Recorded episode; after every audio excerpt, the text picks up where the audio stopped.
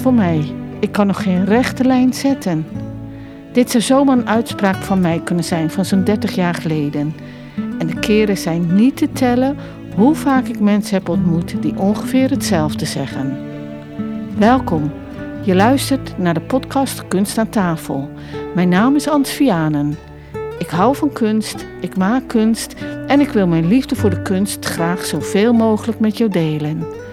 Deze podcast gaat over faalangst, reacties van anderen, het belang van het bewaren van je eerste tekening of schilderij, de aankondiging van mijn nieuwe workshop en nog veel meer.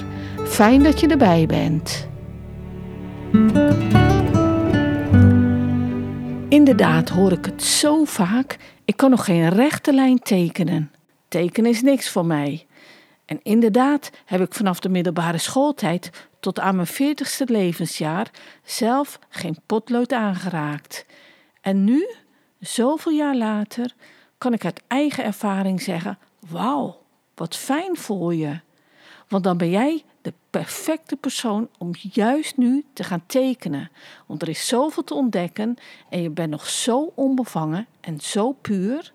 Ik kan je wel vertellen dat er een trucje is om rechte lijnen uit de losse pols te tekenen. En die wil ik je ook graag wel eens een keertje voordoen, maar dat even terzijde. Het is niet voor niets dat ik iedereen aanraad om zuinig te zijn op je eerste tekening of schilderij. Want die eerste tekeningen en schilderijen die zijn zo belangrijk als je de voortgang van je creatieve proces in de gaten wilt houden. Als je wilt zien of je vooruit gaat en hoe je vooruit gaat. Ik zie het zo vaak dat mensen pas maanden of zelfs jaren later hun eerste zoekende, kwetsbare lijnen gaan herontdekken en de schoonheid ervan gaan waarderen. Daarom, wees trots op je eerste tekening of schilderij, zelfs als je vindt dat het nergens op lijkt. Laat deze mooi en professioneel inlijsten en geef deze een ereplek in je huiskamer, in je atelier of werkruimte. En heb je geen goede plek? Op de wc is er altijd wel ruimte te vinden. En weet je, tekenen is niet zo ingewikkeld als het lijkt. Kijk maar naar de natuur. Kan je daar rechte lijnen ontdekken? Als je goed kijkt, zal je zien dat alles gebogen is. Alles, kijk maar. Alleen wat de mens maakt is recht. Ik herhaal het nog even. Alleen wat de mens maakt is recht. Kijk maar naar gebouwen, machines, dozen, kanalen. Dus je bent in ieder geval al een bevoorrecht persoon, want jij bent één met de natuur. Bovendien zijn er bij het maken van kunst vooral ook andere krachten aan het werk die belangrijke invloed hebben op het resultaat. Ik denk bijvoorbeeld even aan de kracht van de vereenvoudiging of die van de variatie. Maar zo zijn er nog wel veel meer. Maar waar komt die gedachte van het niet kunnen tekenen nu vandaan?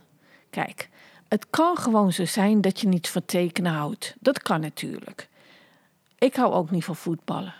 Maar hoe komt het dan dat iedereen tot ongeveer zijn zevende jaar spontaan en in alle vrijheid en met veel plezier tekende en dat daarna het grootste gedeelte van de mensheid ermee is opgehouden? En dat terwijl onze taal in de prehistorie ook slechts bestond uit grommen, oogcontact, handbewegingen tekens maken in muren, op kleitabletten, in zand. Allemaal manieren om met elkaar te communiceren en elkaar te begrijpen. Daarom geloof ik er niets van dat mensen niet kunnen tekenen. Ze zijn er alleen te vroeg mee opgehouden en hebben het daardoor niet verder ontwikkeld. Maar iedereen kan tekenen, daarvan ben ik overtuigd. Een ander aspect wat er zeker mee te maken heeft, zijn reacties van anderen hoe zij reageren op jouw tekening of schilderij. Die reacties die kunnen kwetsend zijn of provocerend of hatelijk zelfs of niet doordacht.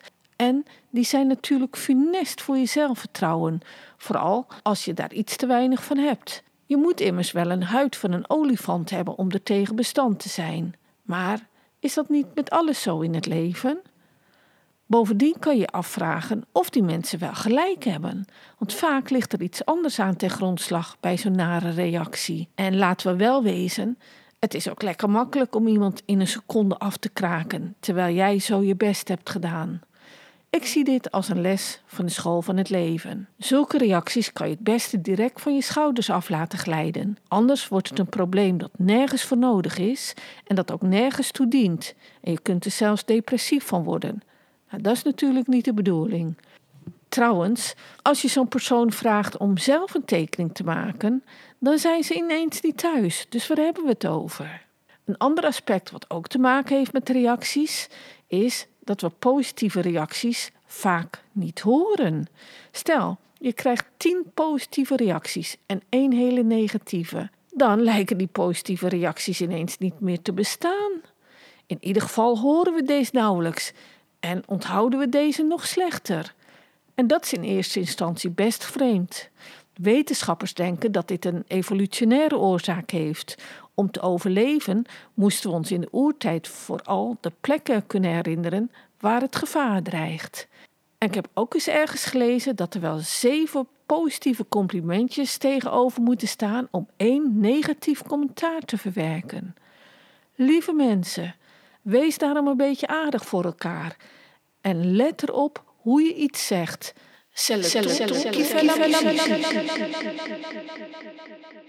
Pas gaf ik de succesvolle workshop buiten tekenen en schilderen. En mijn lieve moedertje van 86 zou ook meedoen. Zij is een typisch voorbeeld van iemand die sinds de lagere school niet meer heeft getekend. En ze is best kritisch, dus dat wil wel wat zeggen.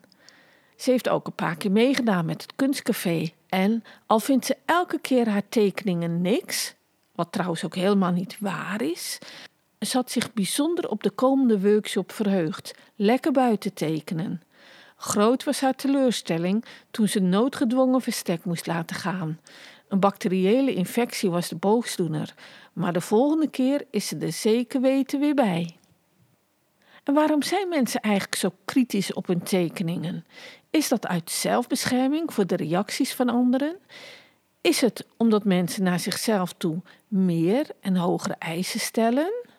Of is het omdat ze nog niet genoeg afstand van hun werk hebben genomen?